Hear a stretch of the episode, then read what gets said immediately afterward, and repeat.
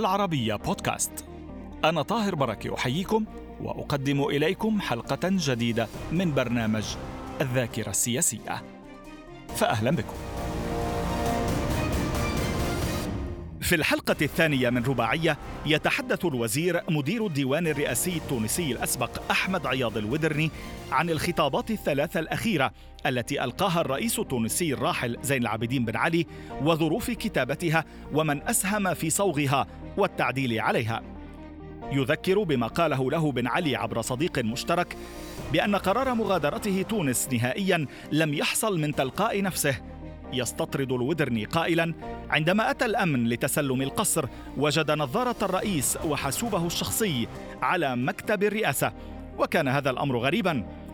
حاول الرئيس بن علي العودة إلى تونس بعدما انتقل مع عائلته إلى السعودية ولكن بعض المسؤولين قالوا له ليس الآن. كانت هناك جهات سياسية تونسية إذن ترفض عودة بن علي بأي صفة كانت.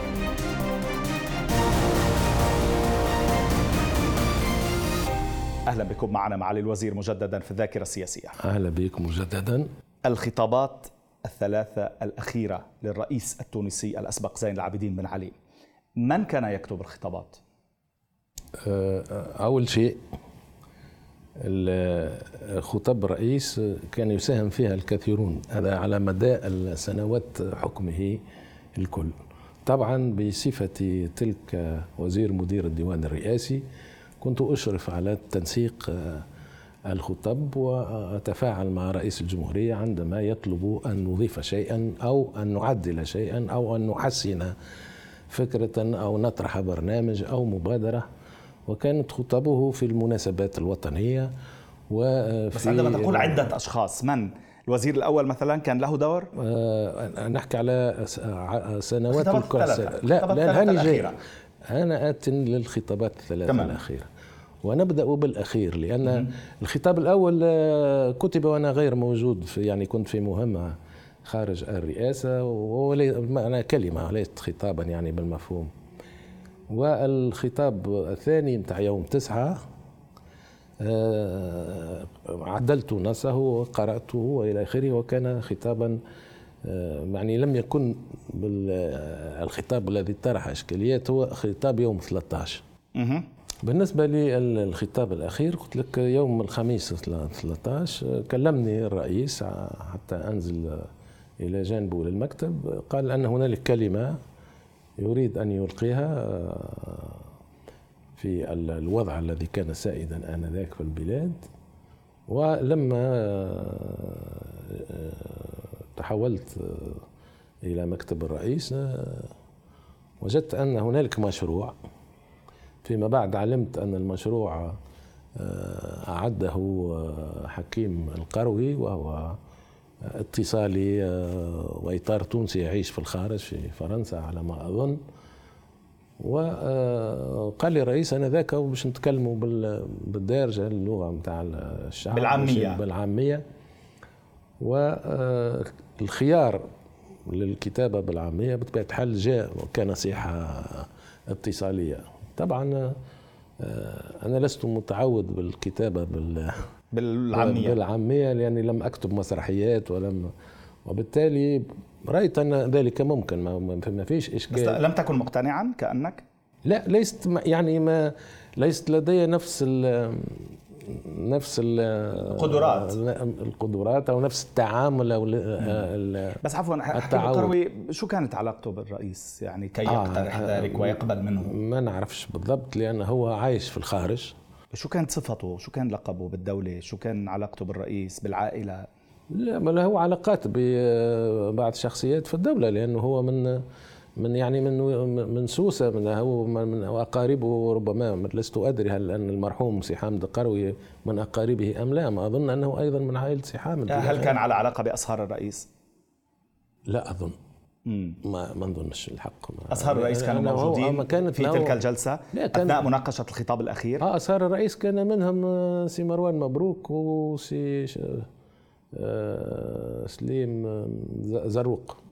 هذاك هو. انت هذوك حضروا شوية كان دائما بجانبه في الساعات الأخيرة لا لا ما كانوا معناها كانوا موجودين في القصر و... وشفنا الكلمة إلى آخره و و شو كانت الملاحظات اللي أعطيت على الكلمة؟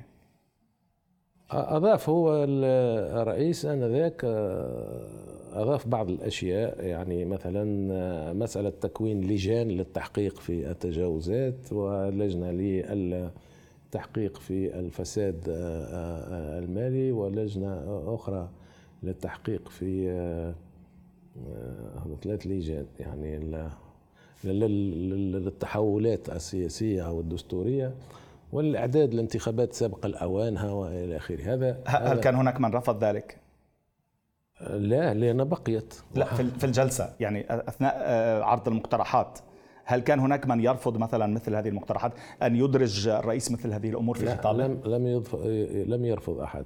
امم وحضرتك يعني كتبت ساهمت في كتابة جزء من هذا الخطاب هذه العامية. الإضافات أكثرها ساهمت فيها. ساهمت فيها شخصيا. أما النص الأصلي المكتوب بالعامية بقي هم هو العمود الفقري للكلمة. أه، هل استطاع الرئيس أن يجذب الناس إليه أن يتعاطف أه، أو على الأقل شريحة قليلة ولو قليلة أن تتعاطف معه من خلال هذه الخطابات أم أنها لم تؤتي أكلها تماما؟ هي النتيجة بينت أنها لم تؤتي تأتي أكلها. مم. يعني بقطع النظر أن ما قيل نتيجه نهائية نعم ولكن هل كان يعول عليه الرئيس؟ ما قيل فيها أنا لا آه، أظن أن الرئيس بن علي آنذاك ما قاله كان ينوي أن يقوم به وأن الإصلاحات التي تحدث عنها كان ينوي أن يقوم بها ألم يتأخر بذلك كثيرا؟ تأخر ولكن السباق أصبح ما عادش سباق الزمن السياسي م. لأن في ال 24 ساعة الأخيرة أصبح سباق من نوع جديد لم نعرفه سابقا وهو سباق على السباق اتصالي. امم لعبة إعلام يعني. لعبة الإعلام والماس ميديا والفيسبوك والقنوات الأجنبية إلى آخره. هنالك انفجار إعلامي وبدأ التشويه والشيطنة بدأت منذ البداية يعني من يوم 14 مساء وانطلق انطلق بس حتى الخطابات تأخرت. ربما تأخرت. أنا قلت أن في 24 ساعة تغيرت سلوك الإعلامي وهو مهم جدا. يعني الإعلام عند شكون؟ عندنا إحنا ال mass media عندنا إحنا ال social media في العالم عندنا إحنا. ماهيش عندنا عندنا إحنا. طب بس لماذا لم يخرج الرئيس ويخاطب شعبه؟ منذ اندلعت الاحتجاجات. هو في البداية لم يكن موجودا وعندما اندلعت الاحتجاجات يوم 17 ديسمبر لا لا 17 ديسمبر هي كانت حادثة وتطورت فيما بعد. طبعا أنا ما نجمش اتحدث عليها عن قرب لأني بالصدفة يوم 17 ديسمبر كنت أشرف على اجتماع في إحدى الجهات في تونس اجتماع جمعية رياضية لا علاقة له بالسياسة.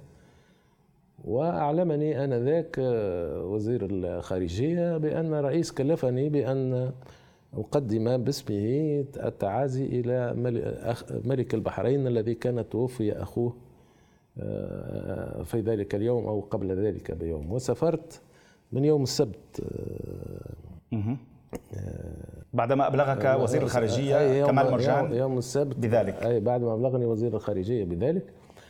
و أخذت الطائرة عن طريق أظن إيطاليا حتى البح... لا عن طريق تونس دبي البحرين. البحرين. وكانت على فكرة ذيك الزياره الوحيده لدبي أون ترانزيت. مساء يوم 18 يعني في عشية يوم 18 إذا كانت ديسمبر. أمور الدولة تمارس بالشكل الاعتيادي الطبيعي بشكل حتى الاعتيادي. بعد الحادثة وبعد, وبعد ذلك بعد ذلك خطر لا ننسى شيئا. كنت أتابع يعني عن طريق التلفزات. ما كنت تتوقع أن توصل الأمور إلى ما وصلت إليه لاحقا؟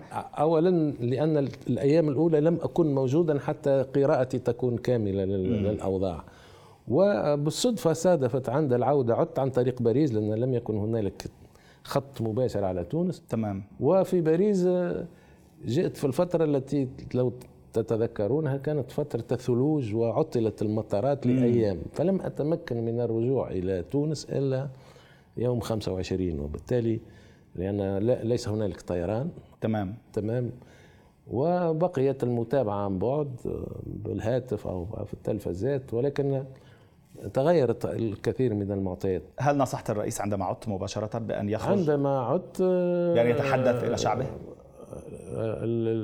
هو في تلك الفترة أول نصيحة جاءت من من عرش لأنه هو عاد من من الخارج في أي يوم عاد؟ والله نسيت بالضبط لكن كانت أول خروج له أظن في يعني اجتمع اجتمعت الحكومة في آخر جلسة لها قبل نهاية السنة للمصادقة على بعض المشاريع تمام. وكانت الميزانية قد مرت إلى آخره وهي الميزانية التي بقيت لسنة 2011 فيما بعد. و آه، ثم كانت هنالك زيارة آه، نصح بها لأن من من طرف أحد المستشارين لزيارة للمستشفى الذي كان يرقد فيه محمد البوعزيزي البوعزيزي وبعد ذلك جاءت مسألة الكلمة الأولى التي كما قلت لم تكن خطاب كانت كلمة قصيرة. في 28 من ديسمبر 2010 2020 وقلت أنا يومها كنت في نشاط وبالتالي ما بس من أين أتته النصيحة بأن يخرج في ذلك اليوم؟ والله ما كنت ما كنتش موجود باش أقول من من من أتته النصيحة؟ وربما جاءت مبادرة منه هو والسلام. منه هو شخصيا نعم. هذا بخصوص الخطابات التي تحدثنا آه، عنها. آه، هل يمكن القول بأنه آه، الرئيس لم يتمكن من الإمساك بزمام الأمور بسببه هو بسبب أدائه هو أو بسبب المحيطين به؟ هل تهمة البطانة فاعلة وممكنة في حالة تونس آنذاك؟ أنت تتحدث عن حالة تونس وكأن تونس وحدها هي التي وقع فيها ما وقع. م. نحن في ذلك الوقت كنا نقطة البداية لهذا المسار الذي لزلزال كبير. للزلزال ولكن كانت نقطة النهاية لمشروع انطلق منذ سنوات ومشروع الشرق الأوسط الكبير. م. يجب أن نتذكر أن بكل وضوح كان مطروح المشروع وطرح على المستوى الإقليمي بشكل يعني عندما نتذكر خطاب رئيس أوباما في القاهرة أمام الشباب في في ديسمبر 2009 نعرف أن كان في حتى أشكال من من التهديد. عندما نقرأ مذكرات هيلاري كلينتون التي خصصت في Hard Choices خصصت جزءا كبيرا لمتابعة ما تحب أن تسميه بالربيع العربي الذي تساقطت فيه كل الأوراق ورأينا أنه خريف وليس ربيع. ف فكانت تتكلم بالتفاصيل كيف كانت تتابع من زيارة إلى اليمن ثم إلى عمان ثم استقرت في قطر للمتابعة وتحدثت فيه عن بن علي وعن مبارك وعن اليمن على الرئيس صالح إلى آخره وتحدثت عن ليبيا وزارة دبي آنذاك وأجريت معها مقابلة سألتها عن الوضع في تونس وإن كانوا تحدثوا إلى القيادة التونسية قالت لا ولكن عندما تهدأ الأوضاع. هل فعلا لم يتحدث الأمريكيون إلى القيادة التونسية آنذاك بالمطلق ولا على أي مستوى؟ في في تلك الفترة لم يعني لم تكن هنالك اتصالات في الفترة الأخيرة علاش؟ لأن بعد ما نشرت آه، آه، ويكيليكس ويكيليكس آه، كانت هنالك ردة فعل في تونس وحتى في بعض البلدان الأخرى التي كانت معنية بمنشورات ويكيليكس وهي تجميد الاتصال مش العلاقات تجميد الاتصالات هذا من ناحية. ولكن process أو المسار المسار. سابق لأن هي كانت عندما تقابلتم معها أستاذ نعم. طاهر هي كانت في جولة يعني إحاطة بما يجري. هذا ما قالته في مذكراتها. في مذكراتها Hard Choices أو الخيارات الصعبة. وقالته بوضوح يعني م. يوميا وكانت على اتصال حتى ببعض أطراف تونسية كانت موجودة التقت مع بعض البعض منهم يعني وكان هنالك الولايات المتحدة كانت تريد أن تغير يعني التوازنات الجهوية لصالح هل القيادة التونسية هل حاولت من جهتها أن تتصل بالأمريكيين؟ لا هو الاتصالات كانت قائمة والعلاقات مع أمريكا هنالك صداقة تونسية أمريكية قديمة يعني حاولوا؟ آه، حاولنا عدة مرات. مش حاولنا يعني كانت مواقف تونس عبرت عنها باستمرار لكن صارت هنالك اختلافات في أشياء نعتبرها جوهرية. اذا أقفل الأمريكيون الخط تماما. لم يستقبلوا لأن لأن تونس لم تقبل آه، مثلا أمام التحديات الجديدة للشبكات الارهاب إلى آخره ان أن تحدث الأفريكوم في الأراضي التونسية. وحتى في أراضي يعني المغرب العربي ككل والاتحاد المغاربي.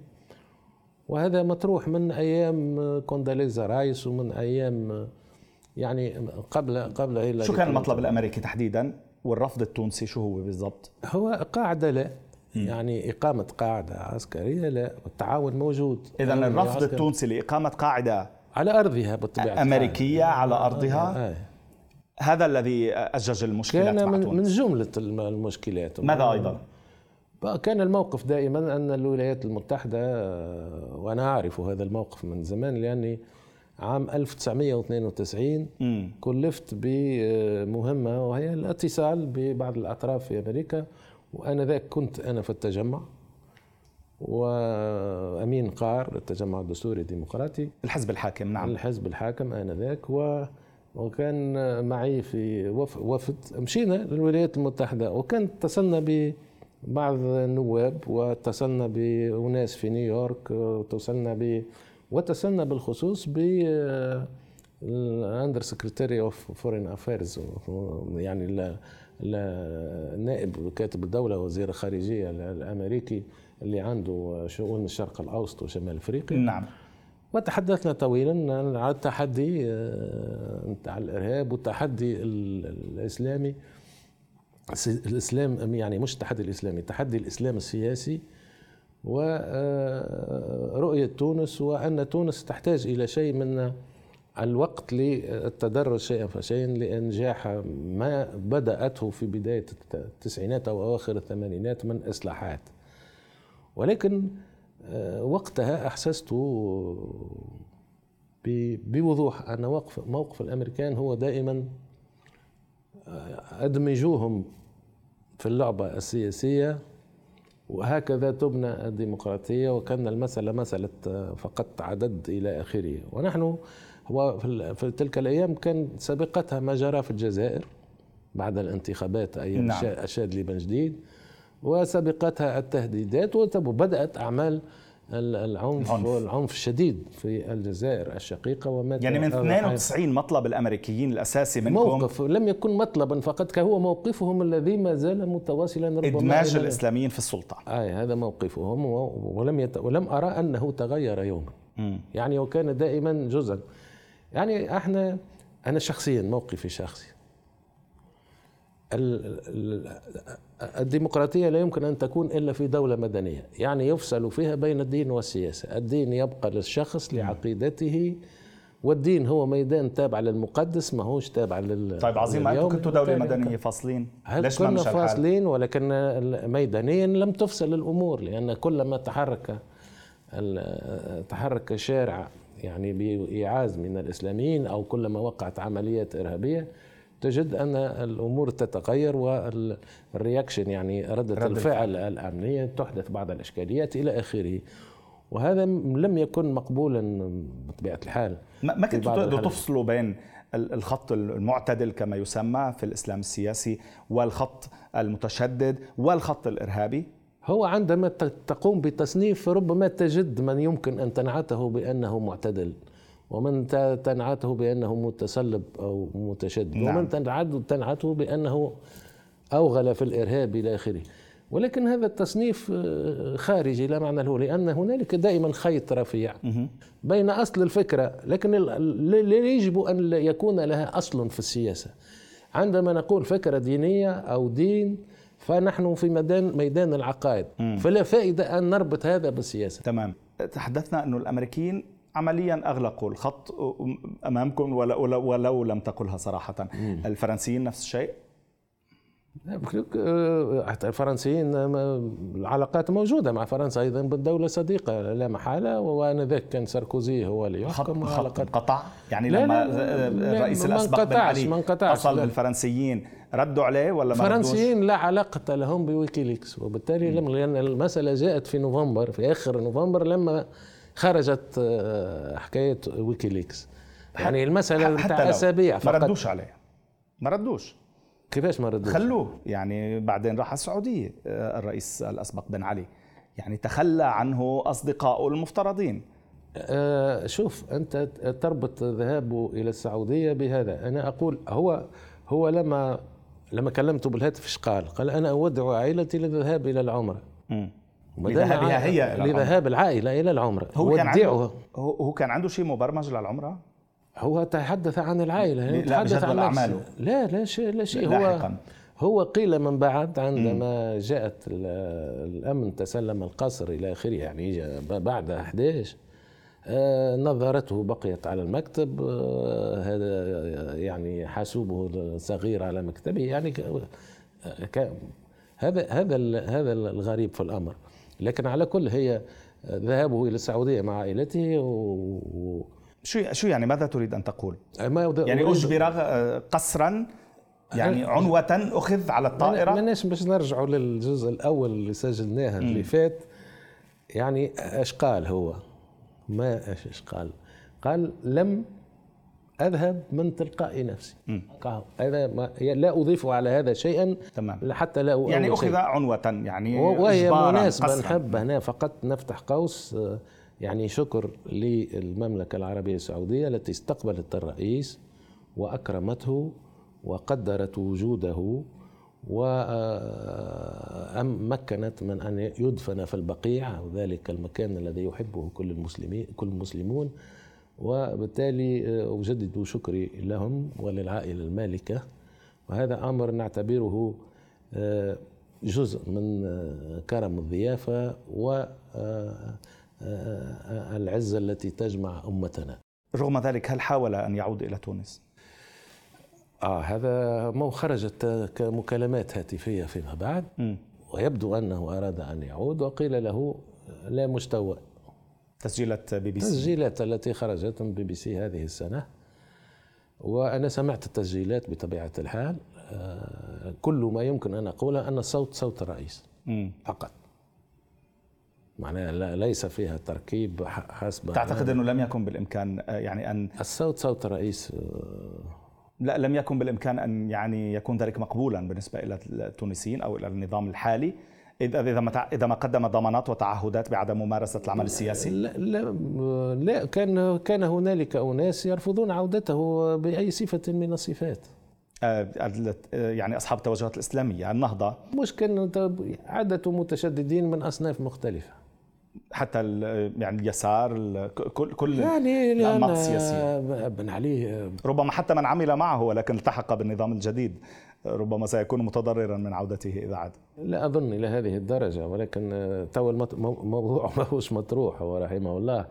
ولكن المطروح هو أنه حتى عندما ننظر إلى نقل جثمان من يتجرأ باش يقول نقل جثمان من البقيع تخرجوا من ذلك المكان المقدس عند المسلمين باش مش مطروح. يعني حتى عند العائلة باعتقادك أو عند العائلة تنجم تقول لك أنا هذا لا, لا نناقشه ولا معنى لنقاشه لكن تمام. المعنى أنه إعادة الاعتبار لرئيس سابق وتذكار له في بلاده هذا هو المطلوب. بعدين الجثمان ونقله للعائلة كلمته. كلمتها. وللظروف كذا. هذا مش هذا الموضوع. موضوعنا هو أن بن علي آه، طوال 23 سنة من الحكم بحكوماته بالكفاءات التي كانت من حوله بالسياسات التي اعتمدها آه، كانت تونس تعيش يوميا حياتها اليومية ما نحكيوش لا على الحريات وعلى التعددية ولا على الانتخابات ولا ليش تحب. لكن كانوا يعيشوا خير في ظروف أيسر آه، ما تعانيه الأسرة التونسية اليوم آه، ما يعانيه المواطن التونسي اليوم اقتصاديا توقف الاستثمارات آه، نسبة المديونية التي ارتفعت إلى السماء. ومنين جاء هذا الكل؟ جاء من هيك